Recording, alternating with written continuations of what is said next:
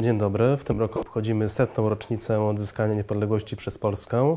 W związku z tym wraz z Instytutem Historycznym Uniwersytetu Warszawskiego rozpoczynamy cykl rozmów poświęcony postaciom, które w ciągu tych 120 lat, gdy Polska niepodległości nie miała, działała na rzecz jej odzyskania lub też na rzecz rozwoju e, gospodarczego jej ziem e, i społecznego jej mieszkańców. Dziś w studiu jest ze mną profesor Jarosław Czubaty e, z Zakładu Historii XIX wieku. Będziemy rozmawiali o księciu Józefie Poniatowskim. No, postać niewątpliwie godna przypomnienia w tym kontekście. No, bez wątpienia bohater, pierwszy Polak pochowany na Wawelu po królach. Królom się nie kłaniał, no ale początki były zupełnie jak nie przystała na polskiego bohatera, gdyż ojciec, e, co prawda e, brat króla, ale generał austriacki, e, matka austriaczka, on wychowywał się na dworze austriackim, rozpoczynał karierę w armii austriackiej. Gdyby, gdyby nie zainteresowanie i opieka króla, prawdopodobnie chyba nawet Polakiem by się nigdy nie poczuł. Zawsze wyobrażam sobie, że gdyby nie pewien zbieg okoliczności życiowych, pomnik księcia Józefa być może nieco inny od tego, który stoi na krakowskim przedmieściu, mógłby stać gdzieś w centrum Wiednia, prawda, jako jednego z zasłużonych dowódców monarchii, monarchii habsburskiej. E, e, rzeczywiście to jest, to jest przykład e, młodego arystokraty z rodziny polsko, właściwie czesko-niemieckiej, bo jego, jego matka była, wywodziła się z rodziny arystokratycznej, rodziny takich zgermanizowanych Czechów, może w ten sposób to, to ujmijmy. I istotnie cała jego młodość i początki, początki kariery wojskowej związane są właśnie z dworem habsburskim, z Wiedniem. Książę w dzieciństwie właściwie mówił i po polsku, i po francusku, i po, i po niemiecku. Po polsku rozmawiał z ojcem, po niemiecku z matką. Tak, tak, no, no albo po francusku.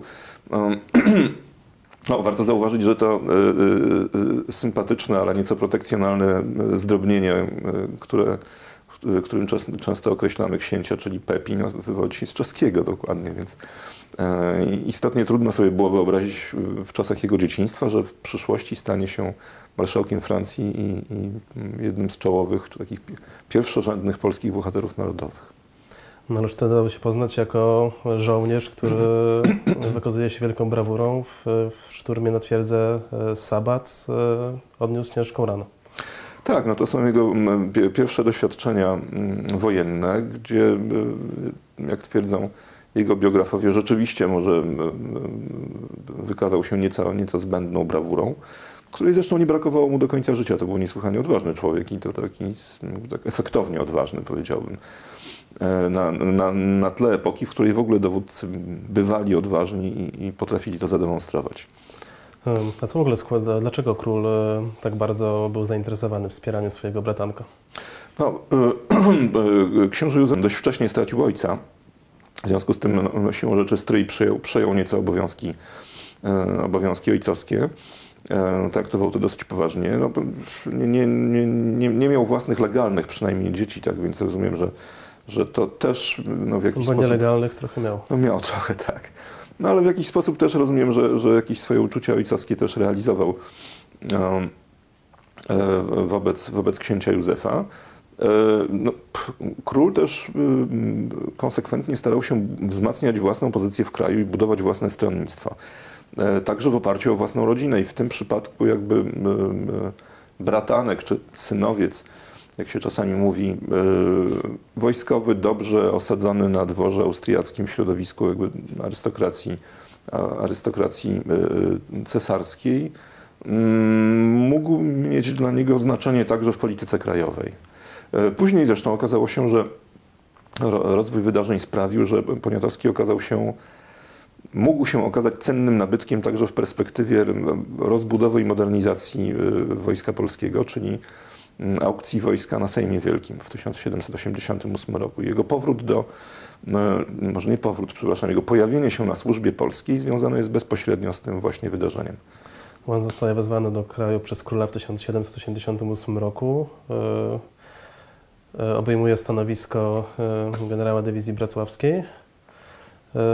I daje się też poznać jako stronnik konstytucji zwolennik reform, co nie dziwi, biorąc pod uwagę to, że jest tutaj ściągnięty przez króla, który za tymi reformami stoi. No, zgadza się, oczywiście. To dokładnie też pokazuje, do czego Poniatowski mógł być potrzebny w polityce krajowej, ale oczywiście był też potrzebny w wojsku, bo wojsko z 20-30 tysięcy ma wzrosnąć do 100 tysięcy, w związku z tym e, siłą rzeczy rośnie zapotrzebowanie na e, kompetentnych oficerów, którzy, zwłaszcza wyższych oficerów, którzy mają doświadczenie wyniesione z armii nieco nowocześniejszych od, niż ta e, Rzeczpospolitej. Warto zauważyć, że w tym, w tym samym czasie w armii polskiej pojawia się kolejny kolejny y, przyszły bohater narodowy, czyli generał Jan Henryk Dąbrowski, który z kolei trafi tutaj z armii, z armii saskiej. Um, um, Poniatowski przy podobnym mniej więcej doświadczeniu wojskowym miał jeszcze jeden atut, mianowicie był, y, był bratankiem króla, no więc się rzeczy objął stanowisko wyższe. E, jak, jak, jak się na tym stanowisku sprawdzą? Czy to, czy to jego doświadczenie z armii austriackiej, jednak tam jednak pełni niższą szarżę w porównaniu z tą, którą miał w Polsce? E, czy był dobrym organizatorem, dobrym e, dowódcą? No tu opinie są podzielone, to znaczy dowódcą był dobrym. Czy w każdym, w każdym aspekcie tu opinie historyków są podzielone? Niektórzy twierdzą, że istotnie sprawdzał się jako dowódca polowy później w czasie wojny z Rosją w 1792 roku, że zajmował się intensywnie szkoleniem e, swoich żołnierzy, natomiast niekoniecznie poświęcał odpowiednio dużo uwagi mm, działaniom organizacyjnym różnego rodzaju, związanym z aprowizacją, z organizacją marszów itd. Tak itd. Tak to, to mu zresztą, mam wrażenie, że to mu zostało do końca życia, że on tego nigdy nie, za, za, bardzo no, nie lubił. Już wtedy chyba dał się poznać z, roz, z, rozrywkowego trybu życia, którym zasłynął. No tak, był to, jednak, był to jednak młody człowiek yy, ze środowiska, które lubiło i potrafiło się bawić. E, do tego obdarzony no, nie, nie lichą fantazją, w związku z tym rzeczywiście zasłynął, zwłaszcza w czasie pobytu w Warszawie, no, z pewnych ekscesów natury towarzyskiej, nie tylko towarzyskiej, obyczajowej, no, którymi mm, część towarzystwa bawił, część towarzystwa szokował, prawda? No, przykład, nie, nie, taki znowu rzadki przykład y, y, oficera z rodziny arystokratycznej, który jednocześnie jest taką gwiazdą życia towarzyskiego. To jest przypadek typowy nie tylko dla Warszawy XVIII wieku, ale dla, dla wszystkich wielkich stolic europejskich. E, czy możemy coś więcej powiedzieć o jego poglądach politycznych? Bo nawet sama konstytucja, która niejako została uchwalona, można powiedzieć, e, pod bagnetami hmm. E, żołnierzy, też chyba przy udziale księcia Józefa Poniatowskiego, który był wówczas na sali. Czy, czy oprócz tego, że wiemy, że był stronnikiem reform, stronnikiem króla, czy możemy coś więcej powiedzieć o jego światopoglądzie, o tym, co myślał o ówczesnych wydarzeniach w Europie? No wtedy hmm. Europa kipiała? No nie za wiele. To znaczy e, z całą pewnością e, popierał właśnie reformy, o których Pan wspomniał, które znajdą się wkrótce, czy znalazły się, w, zostały zapisane w Konstytucji 3 maja. E, wziął aktywny udział w, może nie aktywny, odegrał ważną rolę w sesji, podczas sesji sejmowej, na której konstytucję uchwalono, bo on po prostu wraz z, wraz z żołnierzami miał ochraniać, pilnować bezpieczeństwa na sali sejmowej na wypadek, gdyby przeciwnicy konstytucji okazali się na tyle zdeterminowani, żeby wszcząć tam jakiś tumult. Do czego na szczęście nie doszło. Um, no, nic bliższego na temat jego poglądów politycznych y, nie możemy powiedzieć, szczegółów nie znamy. To znaczy niewątpliwie te reformy zmierzające w kierunku jednak wzmocnienia władzy wykonawczej w Polsce przy zachowaniu pewnych y, y, elementarnych zasad demokracji szlacheckiej on wspierał niewątpliwie w jakimś zakresie musiał wspierać równouprawnienie polityczne mieszczaństwa, przynajmniej tego bogatszego mieszczaństwa, bo to też zostało zapisane w Konstytucji. Wiemy natomiast, że do wydarzeń, które, wobec wydarzeń, które rozgrywały się w tym czasie e, we Francji, do, do, rewolucji francuskiej, miał stosunek dalece sceptyczny się rewolucji. Rewolucje mu się nie podobały, myślę, że się ich obawiał. E, no, co zresztą nie dziwi. No, jakby jedynie nielicznych arystokratów w Europie rewolucja fascynowała, a i tak tylko w, tym pierwszym, w tej swojej pierwszej łagodnej, takiej liberalnej fazie. Konstytucja została uchwalona. E, w Rosji zostaje zawiązana Konfederacja Targowicka. E, dochodzi do wojny z Rosją. Książę Józef wyrusza na cudzysłowie front, no bo wtedy jednak tego Fr- frontu, frontów front, nie było, frontów, tak. frontów nie było. Tak, to- Jakim wówczas jest dowódcą? E, Wydaje się, że e, na, dłuższą metę wojny prowadzonej w ten sposób, w jaki zamierzano ją prowadzić, czyli e, przy pomocy regularnej armii, tej wojny wygrać by się nie dało. Niezależnie od tego, że zabrakło też woli politycznej do kontynuowania jakby takiego za, uporczywej obrony. Tak? No, król w którymś momencie po prostu skapitulował. Wydaje się, że jak na debiut y, w roli y, dowódcy większego zgrupowania, to Poniatowski wypadł dobrze. To znaczy bitwa pod Zieleńcami y, stała się pierwszą polską wiktorią od czasów mm, bodaj Sobieskiego, co zresztą król na, natychmiast Król, który miał duże wyczucie, dobre wyczucie, znaczy pe- pewien zmysł propagandowy, e, zręcznie wykorzystał, e, tworząc e, pierwszy polski order wojskowy, czyli Virtuti Militari. Zieleńce były rzeczywiście poważnym sukcesem, nie, nie na miarę zwycięskiej walnej bitwy z całą pewnością, ale, ale jednak sukcesem. Pamiętajmy, że może wtedy in, inaczej liczono sukcesy, to znaczy biorąc pod uwagę marny stan armii polskiej w XVIII wieku, jej praktyczny brak doświadczeń bojowych, za sukces można było uznać każdą bitwę, która nie została wyraźnie przegrana. E, Poniatowski pod Zieleńcami wygrał, nie rozbił przeciwnika, ale wygrał i to, było, e, to był niesłychany sukces. No, warto pamiętać o tym, że kolejna bitwa, która uchodzi za zwycięską, stoczona przez Kościuszkę pod Dubienką, była bitwą w zasadzie przegraną, tylko on się bardzo, Kościuszka bardzo zgrabnie się z tej, z tej, z tej trudnej sytuacji wycofał, nie, nie przegrał miażdżąco, po prostu obronił się i, i cofnął. I to tyle, ale to zostało już uznane za sukces, co pokazuje, jaka była, jaka była miara oczekiwań, prawda? To znaczy doświadczenia bojowe armii polskiej w XVIII wieku były, były niewielkie. E, I właściwie każdą, każde e, nieduże nawet zwycięstwo witano, witano z entuzjazmem. Poniatowski w tej wojnie okazał się dowódcą moim zdaniem dobrym. Pamiętajmy o tym, że on wcześniej był tylko pułkownikiem mm, w armii, w armii austriackiej. Tutaj ta skala do, dowodzenia, skala problemów z tym związana była znacznie większa. Jak całkiem dobrze sobie z tego poradził, co więcej, on sobie zyskał uznanie i, przywiązanie e, podkomendnych, co też jest ważne. E, Ale koniec końców e, wojna kończy się e, przystąpieniem króla do e, Targowicy. E, Poniatowski co prawda się tej decyzji sprzeciwia, no ale jednak tutaj już jest chyba, pojawia się antagonizm między Poniatowskim jako bratankiem królewskim, a e, tymi oficerami, którzy reprezentowali poglądy republikańskie, jak e, Kościuszko.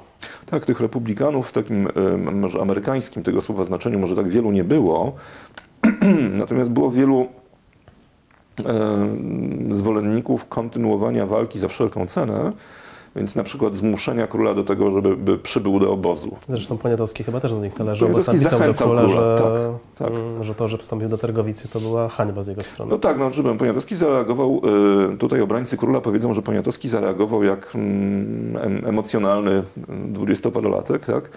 E, Bo król podjął decyzję trudną, ale politycznie zrozumiałą. Poniatowski zareagował jak oficer, tak? który uważa taką ka- kapitulację w tej sytuacji za, za niehonorową i uważa, że możliwości militarne, możliwości prowadzenia dalszych działań nie zostały wyczerpane. E, Tym niemniej E, I, I przywiązanie do króla, no i pewna też niechęć do pewnej formy radykalnych działań sprawia, że poniatowski książę Józef nie mógł się podpisać pod planami na przykład porwania króla i sprowadzenia go siłą do obozu i zmuszenia go do kontynu, kontynuowania walki, które to plany no, przedstawiało mu kilku, kilku oficerów z jego, z jego otoczenia. Czy ten plan w ogóle był realny? e, Czy wojnę można było kontynuować na przykład e, uprowa- przy wsparciu upodmiot, upod, upod, upodmiotowionych chłopów? E, No, plan uprowadzenia króla na pewno był realny, kontynuowanie walki to, to jest już problem historii alternatywnej, tak? Znaczy, moim zdaniem nie. To znaczy doświadczenia insurrekcji kościuszkowskiej, późniejszej o, o, o dwa lata, wskazały, że można było e, zwiększyć siłę zbrojną dzięki y, tworzeniu formacji nieregularnych złożonych z chłopów. Natomiast i tak na, na, na większą skalę chłopów do powstania nie udało się zachęcić. Co więcej, y, w roku 92 takie próby spotkałyby się ze stanowczym oporem szlachty, no, która była wiodącą siłą polityczną e, w Polsce i nie, tego nikt by nie chciał robić. No, także dlatego, że to się nie mieściło trochę w wyobraźni politycznej większości tych, którzy takie decyzje podejmowali. Więc wydaje się, że militarnie ta wojna była jednak nie do wygrania wtedy. E, wojna się kończy. E, mm, Targowica obejmuje władzę w Polsce. Książę Józef udaje się na emigrację, składa komendę. E, Stamtąd koresponduje z przedstawicielami Targowicy, wymienia ostrą korespondencję, często ich e, obraża. Czy można powiedzieć, że ta wojna w obronie konstytucji w jakiś sposób kształtowała jego poglądy polityczne, jego e, postawę? To jest możliwe, tak. Znaczy, e, wy- wydaje się, że, znaczy sądząc po tym emocjonalnym tonie listów do króla, który domaga się od niego mm, zwrotu orderów, znaczy virtuti militari przede wszystkim, On tego nie robi, a to jest gest polityczny. to jest gest polityczny, tak, tak, zdecydowanie. Znaczy no, w ogóle sam fakt, że książę składa dymisję, prawda, po, po, po kapitulacji, mm, no to, to już jest gest polityczny. Zresztą i on, i Tadeusz Kościuszko, i, i, i spora liczba y, zasłużonych w tej wojnie oficerów postępuje podobnie, więc to, to jest demonstracja wyraźna. Y, Jego korespondencja z władzami targowickimi rzeczywiście jest, dość, jest ostra i dość złośliwa. Ym, I widać, że y, jakby to jest problem i antagonizmu politycznego, więc prawdopodobnie ta, ta, ta sytuacja przegranej wojny i powrotu do, znaczy objęcia władzy przez Targowicę, rzeczywiście mm, poglądy księcia polityczne pewnie utrwaliła. Jest to też pewnie animozja, taka, taki antagonizm frakcyjny trochę, tak? No to są ludzie z innego, Targowica to ludzie z zupełnie innego e, rozdania politycznego, do, do którego Poniatowski nie należy którego nie, nie lubi, nie szanuje i, i tak dalej. Ale e, tak, znaczy to jest ten moment, kiedy Poniatowski mm, wydaje się, że politycznie dojrzewa e, i warto pamiętać o tym, że zakończona, że przegrana wojna przyniosła jednak Poniatowskiemu, księciu Józefowi znaczną popularność. Przede wszystkim w wojsku, ale też w kręgach, no, które w ogóle jakby interesują się życiem publicznym. To jest jeden z bohaterów tej wojny, obok Kościuszki. Książę przebywa na emigracji. e, W kraju rządzi Targowica. No, tymczasem rozwija się konspiracja, która doprowadzi do e, powstania kościuszkowskiego. E, To powstanie wybucha.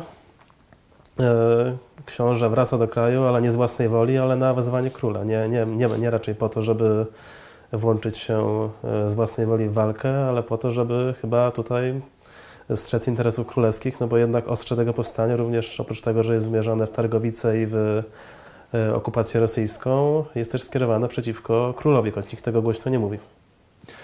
Czy jest skierowane, tego jeszcze nie wiadomo, bo, ale może być. E, Znaczy, e, status króla w czasie powstania kościuszkowskiego jest dziwny. To znaczy, nikt go nie zdetronizował, nikt go nie uwięził, natomiast odsunięto go zupełnie od władzy. Tak? Pełnia, władzy, faktycznie władza dyktatorska jest w ręku naczelnika Kościuszki, który królowi okazuje szacunek, ale nie, nie, nie zamierza bynajmniej konsultować z nim żadnych swoich przedsięwzięć, więc król jest trochę honorową głową państwa, trochę więźniem insurekcji, bo nie bardzo może ten zamek opuszczać, znaczy może pojechać na spacer, ale, ale jak już za daleko odjedzie, to wszyscy się niepokoją i każą mu wracać. E, Poza tym wydarzenia rewolucji francuskiej wskazują, że e, sytuacja może rozwinąć się w, kierunku, w, w sposób, który dla króla stanie się niebezpieczny. W związku z tym rzeczywiście król, król w tej sytuacji chce mieć u boku, czy w ogóle w kraju kogoś, na kim może polegać i e, stąd jego, jego wezwanie do, do księcia, by, by wracał do kraju. E, No, Poniatowski jakby na- najwyraźniej początkowo nie kwapił się do tego, znaczy z własnej woli. Wydaje się, że on, to Szymon, jego, jego znakomity biograf e, Szymona Skenazy napisał, mm, że Poniatowski nie był człowiekiem rewolucji.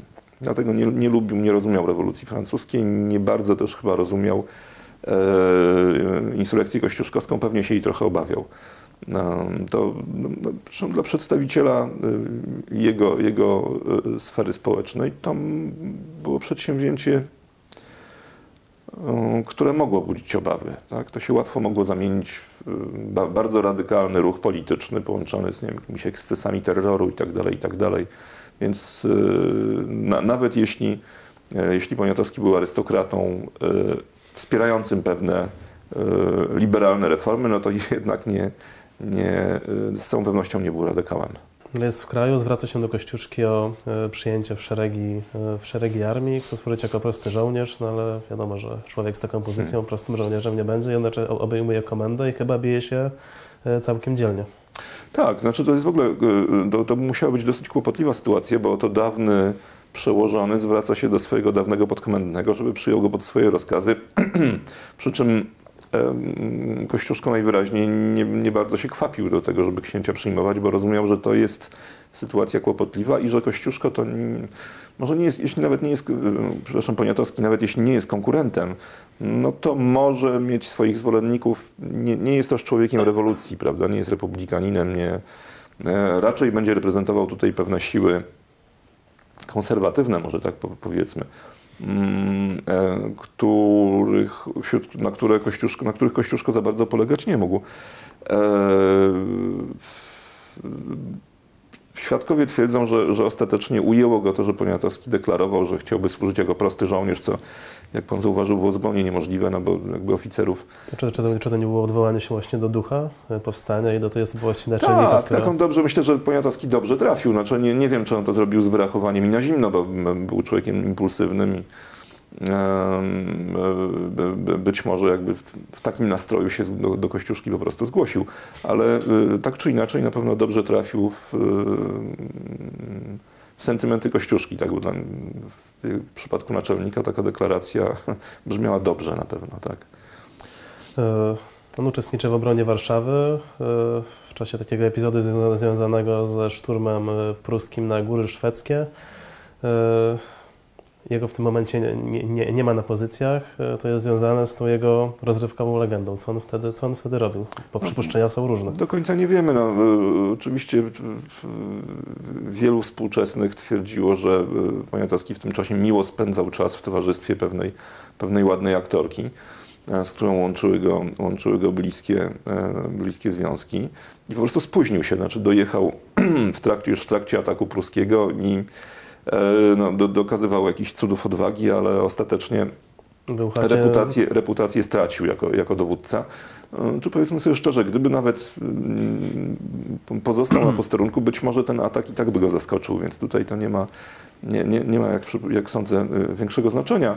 Ważne jest to, że to jest pewien element do legendy księcia Józefa, tej legendy, w której jawi się on jako, nie, nie, tyle jako bohater bez skazy, ile jako człowiek nie, niewolny od pewnych słabostek, uroczy amant, e, zdobywca serc niewieścich, przy tym nie, nieco lekkomyślny, ale przy tym szalenie odważny. Em, Ale to też zostało wykorzystane przez e, jego przeciwników, przez przeciwników króla, czyli tych e, oficerów o poglądach republikańskich, czy wywołujących się ze środowisk jakobińskich tak zwanych, do uderzenia w króla i też do e, uderzenia w księcia. No tak, ale ym, no, no, no, wydaje się, że na dłuższą metę po prostu te, tym dwóm środowiskom Znaczy, nie, nie, powiedzmy, nie że był, był, po prostu oskarżany o, o zdrady i o szpiegostwo w tym No, momencie. tak, ale to, to nie on jeden. Znaczy, w ogóle no, insurrekcja to jest jeden z tych, mm, jedno z tych wydarzeń, w których pewne e, zarzuty dotyczące czy to działań e, aktualnych, czy to przeszłości jakby e, są podnoszone i e, mm, wszystko to się dzieje w atmosferze pewnej nieufności, tak, zarzutów dotyczących no, dawnych sympatii politycznych, czy też jakichś podejrzanych działań. Znaczy, zdrada jest jednym z centralnych problemów życia publicznego insurrekcji i te zarzuty zdrady i w trakcie insurrekcji tuż po niej one są kierowane pod adresem różnych, różnych osób i właściwie ma, mało kogo one nie dotknęły. E, oczywiście tutaj e, jest to pewnie też element pewnej gry politycznej zmierzającej do osłabienia jakby pozycji króla i jego otoczenia, mm, podejmowanej między innymi przez e, środowisko e, tak zwanych polskich Jakobinów.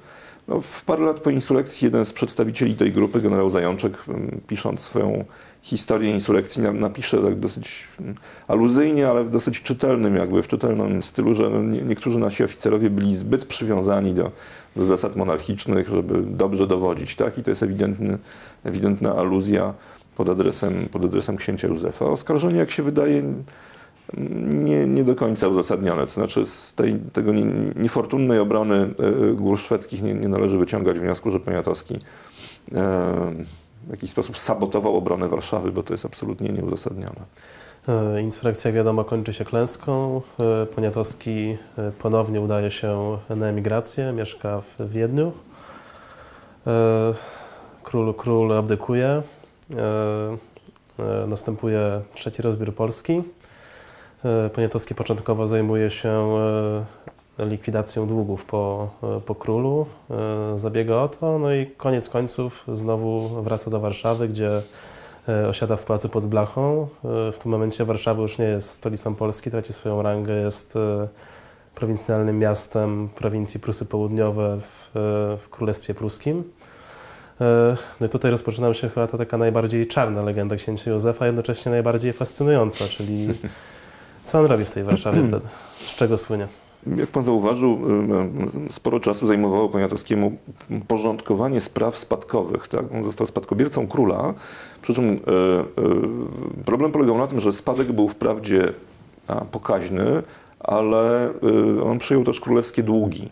W związku z tym sporo, sporo czasu stracił i sporo krwi mu zepsuły roszczenia ro- rozmaitych e, wierzycieli Stanisława Augusta, którzy przedstawiali, e, przedstawiali różne sumy, które należy spłacić, większe, mniejsze, ale było tego naprawdę dużo. A Miał też pewne kłopoty z y, pruską administracją e, związane z no, to, też przejmowaniem majątku, majątku po królu. E, Ostatecznie wszystko to udało mu się jakoś uregulować przy pomocy, dzięki, prawdę mówiąc, interwencji na dworze berlińskim, gdzie, był, gdzie został dobrze przyjęty. E, I to mu trochę jakby znaczy, pozwoliło, e, ułatwiło mu funkcjonowanie w tej pruskiej, pruskiej rzeczywistości. E, Lata, które następują mm, od tego, od momentu powrotu do Warszawy aż do, do końca 1806 roku mniej więcej, no to jest właściwie okres, kiedy książę zajmuje się życiem prywatnym, tak? To znaczy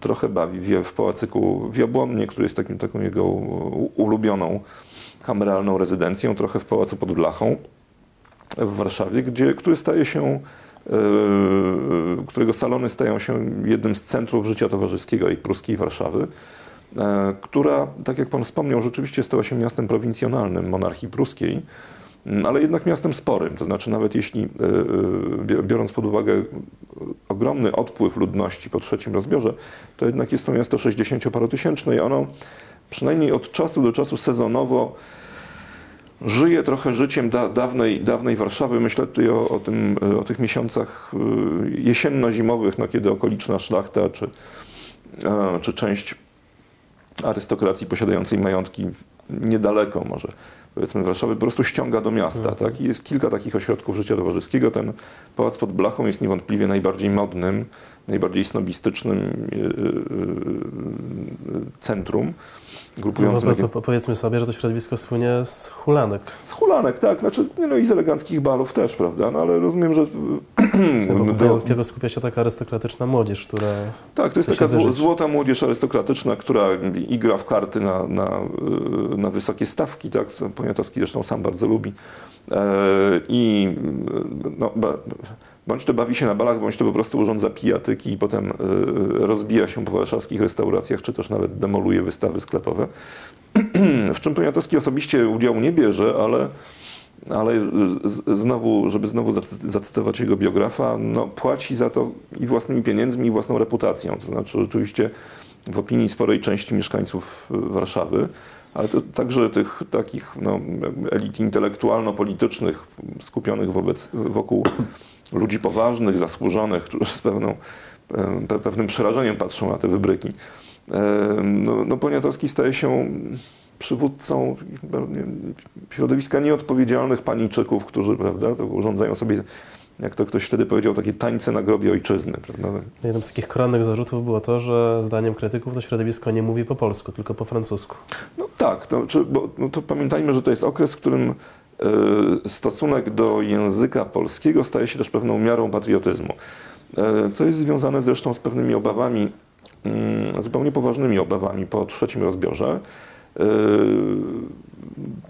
dotyczącymi perspektyw narodu polskiego. To znaczy, to jest to wynikających z przekonania, że e, naród do istnienia potrzebuje własnego państwa. Jeśli traci to państwo, to prawdopodobnie w ciągu kilkunastu, kilkudziesięciu lat zatraci się, w, no jakby to wkomponuje się w, w, w naród, tak, które- którego y, y, państwa zaborczego, może w ten sposób, tak? To jest takie przednowoczesne trochę rozumienie narodów. Co w gruncie rzeczy to po paru latach zostało, te, te obawy zostały jakoś tam zahamowane, tak? Jakby rzeczywistość wskazała, że to nie, nie, nie jest, y, y, perspektywy nie są aż tak ponure, no ale dobrze, ale tak czy inaczej, w tych warunkach stosunek do języka polskiego staje się czymś, no, taką szczególną miarą patriotyzmu. To znaczy, jak powiem, pan porządny Polak powinien jednak chodzić do polskiego teatru, czytać polską literaturę.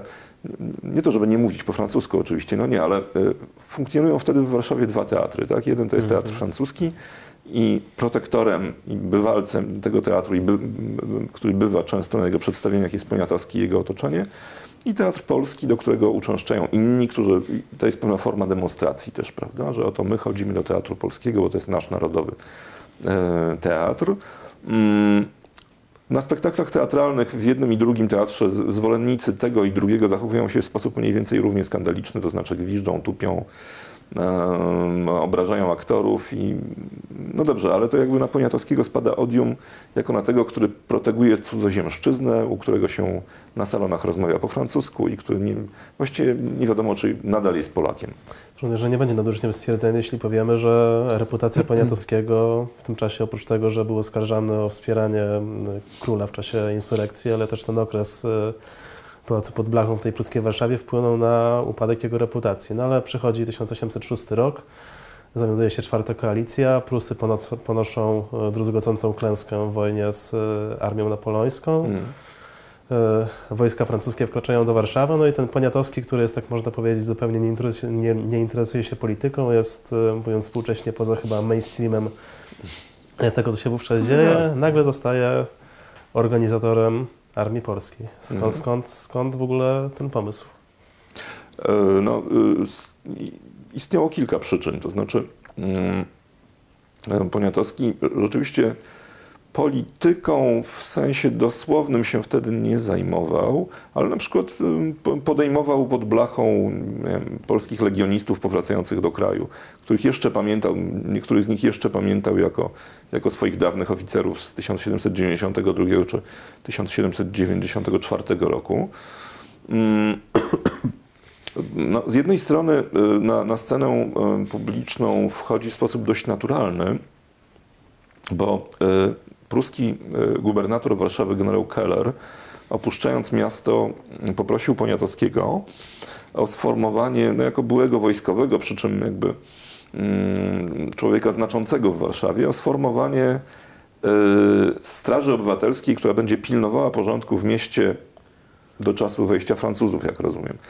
Em, No, w, w każdym razie jakby pomogła opanować sytuację mm, w Warszawie wobec, w, momencie, kiedy miasto zostaje pozbawione jakichkolwiek sił porządkowych, chodzi tu i o armię pruską, przede wszystkim o armię pruską, tak?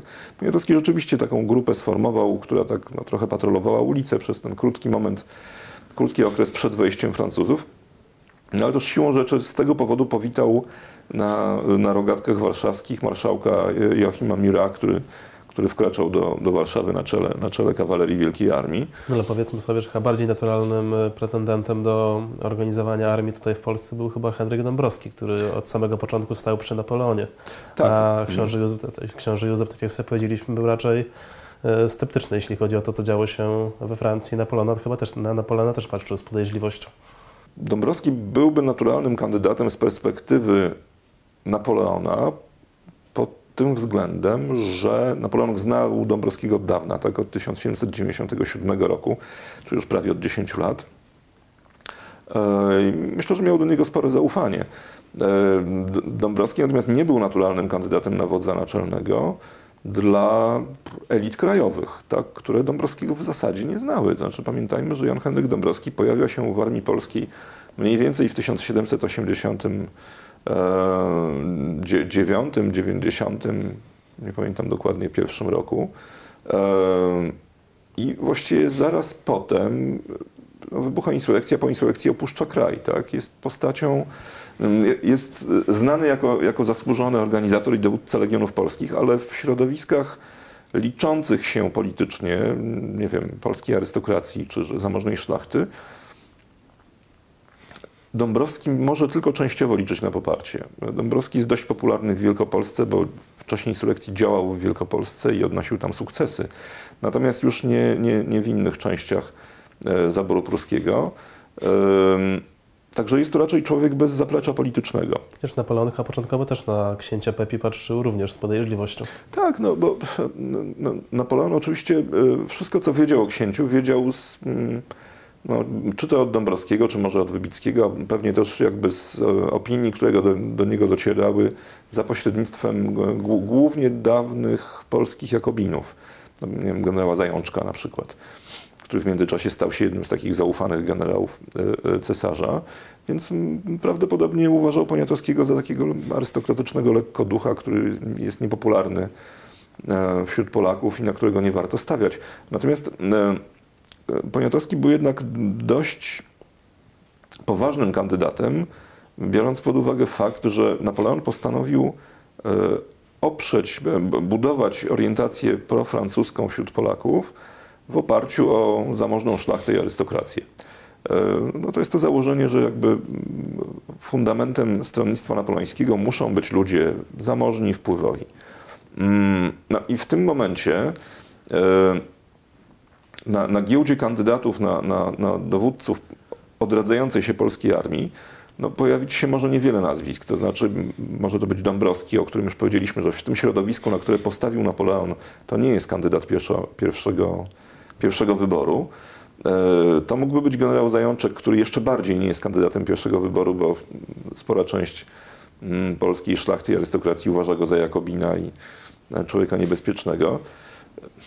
No, więc jeśli dobrze się rozejrzeć, to zostaje jeszcze tylko Poniatowski, który ma jeszcze jeden atut, to znaczy jest człowiekiem z tej sfery, ale też jest dawnym wodzem naczelnym z 1791 roku, co w jakiś sposób jakby uprawomocnia jego, jego wybór. Dobrze, czyli te zabiegi polityczne kończą się tym, że Poniatowski ostatecznie obejmuje mm, stanowisko ministra wojny i głównodowodzącego i organizatora armii w kraju. To nie jest łatwe zadanie, no bo jednocześnie cały czas toczy się wojna z Rosją i z e, Prusami. Trzeba organizować wojsko, jednocześnie kraj jest e, zniszczony zaborem i zniszczony wojną. Jak on sobie radzi z tym zadaniem? E, znaczy, początkowo, znaczy, e, w ogóle Poniatowski, e, książę Józef decydował się długo. To nie jest tak, że on entuzjastycznie rzucił się na tą, tak, przyjął tę ofertę. Te namowy trwały no, prawie dwa tygodnie, po których, jak, jak napisał do Napoleona, po dojrzałej rozwadze zdecydował się podjąć ten, ten obowiązek. Mm. Sytuacja jest o tyle skomplikowana, u progu 1807 roku, że Poniatowski zostaje dyrektorem wojny e, w komisji rządzącej, e, a więc powinien jeszcze mówimy o czasach przed, przed utworzeniem się, księstwa tak, no, Wojna jeszcze trwa, mhm. tak, jeszcze nie, pokojów tyle, że jeszcze, jeszcze nie ma. E, w związku z tym jest zwierzchnikiem odradzającej się polskiej siły zbrojnej, ale tylko od strony administracyjnej. Znaczy istnieją wtedy Organizowane są trzy legie, czy też trzy późniejsze dywizje. E, jedno, na, na czele jednej z nich stoi Jan Henryk Dąbrowski, na czele drugiej e, generał Zajączek, na czele trzeciej e, sam książę Józef. I książę Józef jest tylko zwierzchnikiem nominalnym obu generałów mm, w tych kwestiach, które dotyczą administracji, zaopatrzenia organizacji, natomiast nie działań wojskowych, bo pod tym względem E, generałowie ci podlegają e, lo, lokalnie działającym marszałkom francuskim. Co więcej, no, Dąbrowski jest rozczarowany, że to nie on jest e, tym zwierzchnikiem sił zbrojnych. Zajączek zdaje się podobnie, poza tym on Poniatowskiego od dawna nie lubi. W grę wchodzą też kwestie i ambicjonalne, i charakterologiczne, i różnego rodzaju zadrażnienia z przeszłości. W związku z tym y, korespondencja dyrektora wojny E, z pozostałymi polskimi generałami jest rzeczywiście dosyć przykra i utrzymana w tonie niekiedy takim odbiegającym zupełnie od tonu, w jakim korespondencja służbowa jest, jest zazwyczaj utrzymana. Znaczy, Zajączek w którymś momencie pisze do Poniatowskiego, najlepiej przestańmy w ogóle pisać do siebie, bo to tak, tak będzie najrozsądniej. listy od pana mnie nudzą i tak dalej. I ta sytuacja, e, ta, ta sytuacja trwa aż właściwie do, do 1808 roku, kiedy to Poniatowski, pozostając, będąc już wtedy ministrem wojny, zostaje też jednocześnie zwierzchnikiem i Dąbrowskiego i Zajączka także pod względem no, takim operacyjno-wojskowym. Nie tylko ja już abstrahując od tych konfliktów personalnych, czy możemy powiedzieć, że mm, z tego zadania organizacyjnego e, aprowizacji armii i mm, powoływania rekruta potrafił się dobrze wywiązać? Wydaje się, że tak. To znaczy mm, aprowizacja armii odbywała się trochę poza Poniatowskim. Tym się zajmowała w ogóle tak naprawdę to było podstawowe zadanie komisji rządzącej. I, i, I, tutaj Wybicki między innymi, e, Józef Wybicki między innymi odniósł znaczne sukcesy. Nie, no od strony organizacyjnej na pewno tak, to znaczy Poniatowskiemu udało się stworzyć no, takie ramy, tak, podstawowe, podstawy funkcjonowania tej armii w przyszłości. Udało się postawić pod bronią kilkadziesiąt, no, pewnie około dwudziestu tak naprawdę, jednorazowo tak, tysięcy żołnierzy. E, oczywiście to nie jest tak, że on sam tą armię stworzył. Tak? To wszystko dzieje się na, tak, też także dzięki aktywności i Dąbrowskiego, i Zajączka, i lokalnych e, e, przedstawicieli lokalnych elit, czy to w Kaliszu, czy to w Poznaniu, gdzieś tam w Sieradzu i tak dalej, prawda? którzy trochę spontanicznie tworzą oddziały wojskowe i potem tylko z perspektywy poniatowskiego trzeba to wszystko ująć w karby pewnej regulaminowej dyscypliny, zorganizować. To, to się udaje. Um, oczywiście nie, nie, nie udało się aż tak bardzo, jak to sobie wymarzył Dąbrowski, który obiecywał, obiecywał Napoleonowi w Berlinie 40 tysięcy żołnierzy. Tyle się nie udało. Wojsko jest to organizowane w trudnym momencie, jest późna jesień, zima. Um, w kraju, w którym, y, który jest no, ogłodzony trochę, tak? No, tu działają setki tysięcy żołnierzy francuskich, niemieckich w trudnych warunkach, y, a więc znaczna, y, słabe zaopatrzenie, znaczna liczba chorób wśród żołnierzy, ogromna skala dezercji, o czym często zapominamy. Sam Poniatowski po, po zakończeniu kampanii na, napisał do Napoleona, że nie jest w stanie stwierdzić, ile dokładnie ludzi się przewinęło przez szeregi, ze względu na to, że po prostu część z nich bardzo szybko zdezerterowała. E, my tak trochę balansujemy między tym 1806 a 1807 rokiem, więc przejdźmy już do tego, co działo się po traktacie w Tylży. E, powstaje Księstwo Warszawskie. Mm, Poniatowski w dalszym ciągu kontynuuje swoją e, misję jako minister wojny. No i przychodzi wojna 1809 roku, gdzie daje się po raz kolejny poznać jako skuteczny dowódca i to buduje jego legendę. Może, tak. że, że wywiódł w pole Austriaków. Tak, no tą, tą wojnę już yy, rozpoczyna Poniatowski nie tylko jako minister wojny, ale też jako głównodowodzący sił polskich, które są ni, ni, niestety nieliczne ze względu na mm, zmniejszenie stanów osobowych po wojnie 1807 roku, ale też jakby Yy, oddelegowanie części pól, polskich pułków do, do chociażby do Hiszpanii, prawda? Czy, ale też do twierdz obsadzonych przez, yy, w Prusach, obsadzonych przez, przez siły francuskie i polskie. Yy, oczywiście Poniatowski stoczył bitwę pod Raszynem w terenie, który został dobrze wybrany.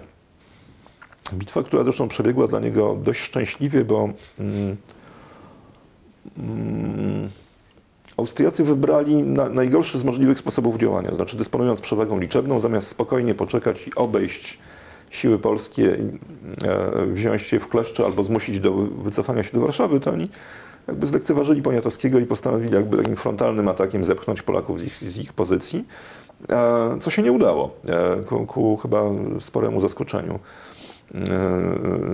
Austriaków. Bitwa pod Raszynem jest bitwą faktycznie nierozstrzygniętą, yy, znaczy, no, może tak, no, nominalnie nierozstrzygniętą, faktycznie zwycięską dla Polaków. To znaczy, do, aż do zmroku utrzymali pozycję, nie, nie pozwolili Austriakom wejść na trakt prowadzący do Warszawy, a jakby pod osłoną nocy wycofali się wycofali się nierozbici nie do, do Warszawy i tu się rozpoczęły negocjacje między y, dwoma dowódcami. No, czyli... To jest właśnie bardzo ciekawy moment, dlatego mhm. że Poniatowski decyduje się na y, oddanie Warszawy Austriakom, wycofuje się na Pragę. nie, nie ulega presji społecznej. Potem mu to zarzucano, że nie broni Warszawy i jakby ulica Warszawska Mhm. nie była z tego zadowolona. E, Ale dzięki temu, że, e, że nie bronił miasta, mógł e, rozpocząć działanie na terenie e, zaboru austriackiego. Jakby to przesądziło o sukcesie tej wojny. Tak, no to, to jest dzięki, to jest wynik konwencji, która została zawarta w osobistych negocjacjach między księciem Józefem i arcyksięciem Ferdynandem. To jest w ogóle zupełnie zabawny, zabawny akcent, bo to są, to były dwie osoby, które się świetnie znały jeszcze z czasów wiedeńskich, tak, więc to w ogóle dość bliscy znajomi, którzy teraz negocjują jako dowódcy dwóch, dwóch wrogich armii. Ta konwencja y, była dla Polaków niebywale korzystna, to znaczy pozwalała, oddawała Austriakom Warszawę, ale zabraniała e, nakładania na miasto kontrybucji, e, dawała Polakom czas na opuszczenie armii polskiej, na opuszczenie Warszawy i przeprawę na drugi brzeg, na drugi brzeg Wisły. E, Rzeczywiście spotkało się to z nie- niechętną reakcją części mieszkańców.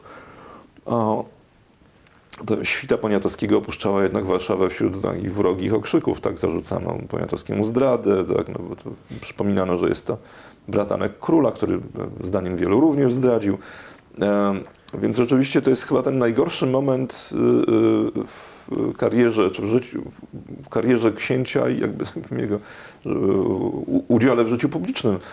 Natomiast już kilka tygodni później okazało się, że ta decy- decyzja jest słuszna, ponieważ Austriacy muszą y, utrzymać w Warszawie spore siły, bo to jest duże miasto, które trzeba kontrolować.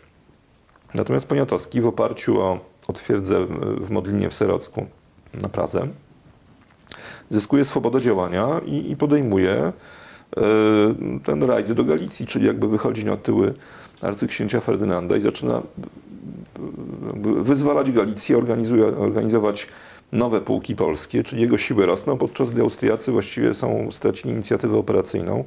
Nie udało im się zdobyć Torunia. Są trochę uwięzieni w Warszawie, no i minie parę miesięcy, kiedy wreszcie postanowią, że jednak trzeba wycofać się z księstwa, tak? Ale w tym momencie w ręku Poniatowskiego jest już większa część Galicji. Ta wojna kończy się sukcesem. E, Część Galicji zostanie, księstwo warszawskie jest powiększone o e, część e, zaboru austriackiego wraz z Krakowem. Przechodzimy do 1812 roku, kolejnej wojny. Trochę nam się kończy czas, więc już nie chciałbym, żebyśmy omawiali jej przebieg, ale żebyśmy zastanowili się nad tym, e, jakie wtedy były opcje polityczne dla Polski. Bo oprócz tego, że e, Polska była związana, znaczy Księstwo Warszawskie było związane e, sojuszem z Napoleonem, pojawiła się też kolejna karta, mianowicie książę Adam Jerzy Czartoryski zachęcał do tego, żeby odstąpić od Napoleona, związać się z carem Aleksandrem I i otworzyć Królestwo Polskie w oparciu o, e, e, o Cesarstwo Rosyjskie, a Poniatowski się na to nie godzi. Tak, to e, były takie sondaże bardzo dyskretne prowadzone przez e, Adama Jerzego Czartoryskiego w kręgach elity politycznej Księstwa Warszawskiego. Przede wszystkim, jak się wydaje, z Poniatowskim e, prowadzono rozmowy. E,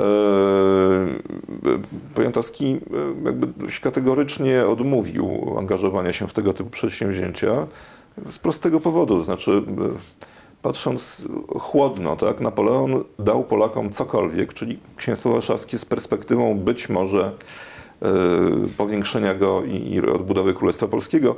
Aleksander w tym momencie dawał tylko obietnice, bez żadnych gwarancji politycznych. Tak? To jest, e, oznaczało w związku z tym no, mm, jakiekolwiek działanie w kierunku mm, jakby e, zgodne z, z planami Aleksandra I oznaczało, wymagałoby porzucenia Napoleona, co samo w sobie w ogóle byłoby ryzykowne, bo to byłaby zdrada. E, rezygnacji z wszelkich ko- korzyści, które już dzięki Napoleonowi Polacy odnieśli, no i zdania się na dobrą wolę władcy Rosji. No, to jest takim politycznie wyborem ryzykownym zawsze, więc tutaj Poniatowski odmówił. No Ta, ta epopeja 1812 roku, jak e, wiadomo, kończy się sromotną klęską. E, Poniatowski cofa się wraz z resztkami Armii Polskiej do Warszawy. E, I tutaj z kolei nie ulega e, zachętom Napoleona, żeby organizować powstanie na ziemiach polskich przeciwko armii e, rosyjskiej, tylko decyduje się o wyjściu z tymi resztkami w stronę, w stronę Lipska. Znaczy, Napoleon w którymś momencie zostawił Poniatowskiemu wolną rękę. To znaczy, w momencie, kiedy armia polska i, władze księstwa opuszczają Warszawę zagrożoną przez Rosjan i cofają się w kierunku Krakowa, ostatecznie tam, tam też na, na parę tygodni się zatrzymują, Poniatowski właściwie ma całkowicie wolną rękę w zakresie tego, co ma robić dalej. Znaczy i Napoleon, i król Saksonii Fryderyk August, czyli książę warszawski, uznają, że jeśli uzna, że e, należy z resztkami Wojska Polskiego zmierzać do Saksonii, żeby połączyć się z Napoleonem, to, to proszę bardzo, tak? Jeśli uzna, że należy uderzyć na e, Rosjan w księstwie e, i kontynuować walkę, no, też odwołując się do jakiegoś pospolitego ruszenia sił improwizowanych, to też, znaczy to jakby on jest, y, on ma podjąć decyzję. I teraz cały kłopot polega na tym, że w tym momencie na księcia naciskają też, naciska i, i Adam Jerzy Czartoryski, i część ministrów księstwa warszawskiego, którzy y, weszli w tajne negocjacje z Aleksandrem I. Y, I oni jakby naciskają na księcia, żeby pozostał z wojskiem w kraju. Żeby za wszelką cenę chcą go powstrzymać przed dołączeniem do Napoleona, bo Aleksandrowi zależy na tym, żeby Polacy zademonstrowali dobrą y, wolę, zademonstrowali swoje zaufanie do niego i jakby oddali się pod jego opiekę. Wtedy on ogłosi się królem Polski, jeśli okoliczności będą sprzyjające. Wyprowadzenie wojska z kraju, jego walka po stronie Napoleona oczywiście jakby niweczyły ten plan, no bo to gdzie tu mowa o zaufaniu, skoro wojsko walczy przeciwko Rosjanom. E, Poniatowski wahał się długo, bo nie było dla niego oczywiste, że należy do końca trzymać się Napoleona. E, ostatecznie jednak e, uznał, że istnieją poważne przesłanki, pewnie trzy trzy typy jakby przesłanek. To znaczy z jednej strony honor wojskowy, który nakazuje, żeby nie porzucać sprzymierzeńca w takiej sytuacji. E, z drugiej mm, no, nadzieja na to, że Napoleon jednak tę wojnę wygra. Bo w 1812 roku przegrał, ale częściej jednak wygrywał do tej pory niż przegrywał. No i trzeci powód to jest chyba też jednak dosyć trzeźwa rachuba polityczna znowu. To znaczy Napoleon zapewnia Polsce już cokolwiek, przynajmniej zapewnia istnienie księstwa warszawskiego. Uznał też istnienie niepodległości Polski, bo e, przyjął do wiadomości uchwałę Sejmu z 1812 roku. Więc to jest pewien konkret, który daje nam cesarz Francuzów. E, w przypadku Aleksandra I mamy do czynienia tylko i wyłącznie z sympatycznymi gestami i miłymi słowami i obietnicami, bez żadnych gwarancji politycznych. Ta, ta, decyzja kosztuje księcia życia, gdyż ginie w drutach Elstery w czasie, w czasie bitwy pod Lipskiem w 1813 roku. E, no i praktycznie chyba od momentu jego śmierci zaczyna się kształtować jego legenda. Jak ta legenda wyglądała na przestrzeni mm. tych lat od jego śmierci do może nawet już po, odzyskaniu przez Polskę niepodległości w II Rzeczpospolitej i później. Czy może, znaczy, ja mam wrażenie, że takim żywym wcieleniem bohatera narodowego książę Józef został po kampanii 1809 roku, bo wtedy właściwie większość rodaków zapomniała, że kiedy był jakiś pałac pod blachą e, i towarzystwo, które się, które się hucznie i nieprzyzwoicie tam bawiło. Ale oczywiście takim tym, tym fundamentem legendy księcia jest jego, jego bohaterska śmierć w bitwie pod Lipskiem, która przeszła do legendy, no, legendy utrwalanej też przez ikonografię, prawda, tych wariantów e, skoku księcia z koniem do, w nurty rzeki Elstery jest e, ikonograficznych jest kilka, niesłychanie popularnych w XIX wieku. Sam pochówek na Wawelu już jakby też wskazuje, prawda? Pierwszy, jak pan słusznie zauważył, pierwszy pochówek nie, nie, nie, nie monarszy. I to mamy jeszcze już kilka lat po jego śmierci. Tak. Ale wkrótce też będzie na Wawelu spocznie Kościuszko, prawda? Mhm. Więc ewidentnie mamy tutaj do, do czynienia z kreowaniem takiego wizerunku, czy z kreowaniem się też samodzielnie pewnego wizerunku y, nowoczesnego bohatera narodowego. Przez długie dziesięciolecia, aż do co najmniej aż do dwudziestolecia międzywojennego, nawet i długo później, Poniatowski funkcjonuje w pamięci e, historycznej Polaków jako no z jednej strony zwycięski wódz i no, tragiczny wódz też, prawda, boginie, ale też człowiek, który e, no, własną śmiercią potwierdza też pewien pewne wybory, których dokonał. Tak? Jest konsekwentny do końca w, tym, w, tym, w tej opcji profrancuskiej, pronapoleońskiej, którą, którą przyjął. E, funkcjonuje jako e, uosobienie wojskowego i narodowego honoru i tutaj jakby te słowa, które e, jeden z adiutantów Poniatowskiego, który mu towarzyszył do końca, prawdziwe czy zmyślone, ten Bóg mi powierzył honor Polaków i ja mu go tylko oddam, jakby się nie- nierozerwalnie wiążą się z, z osobą księcia. Trochę chyba zapomniano o tym, że e, e, to, to właściwie dopiero ba- ba- badania historyków z końca XX wieku trochę wskazały na to, że ten wybór e, księcia dokonany w 1813 roku, znaczy, żeby nadal, żeby kontynuować walkę po stronie Napoleona, był też w dużej mierze świadomym i bardzo trudnym, ale świadomym wyborem politycznym. Nie tylko honor, nie, nie tylko taki, taka żo- żołnierska lojalność, ale też trzeźwy wybór polityczny. I co, co zresztą moim zdaniem postać księcia zdecydowanie mm, e, no, i ubarwia i czyni ją bardziej wiel, wielowymiarową. Tak? No. Czy mówiąc tak brzydko, w tej rywaliz- rywalizacji dwóch trumien, czyli trumny Kościuszki, e, czyli tego e, republikanina z ducha i poniatowskiego człowieka honoru, do, dobrego żołnierza, ale też lubiącego taki hulaszczy, rozrywkowy tryb, tryb życia. E, kto- która legenda zwyciężyła? Czy można w ogóle powiedzieć, że któraś zwyciężyła, czy one obie koegzystują?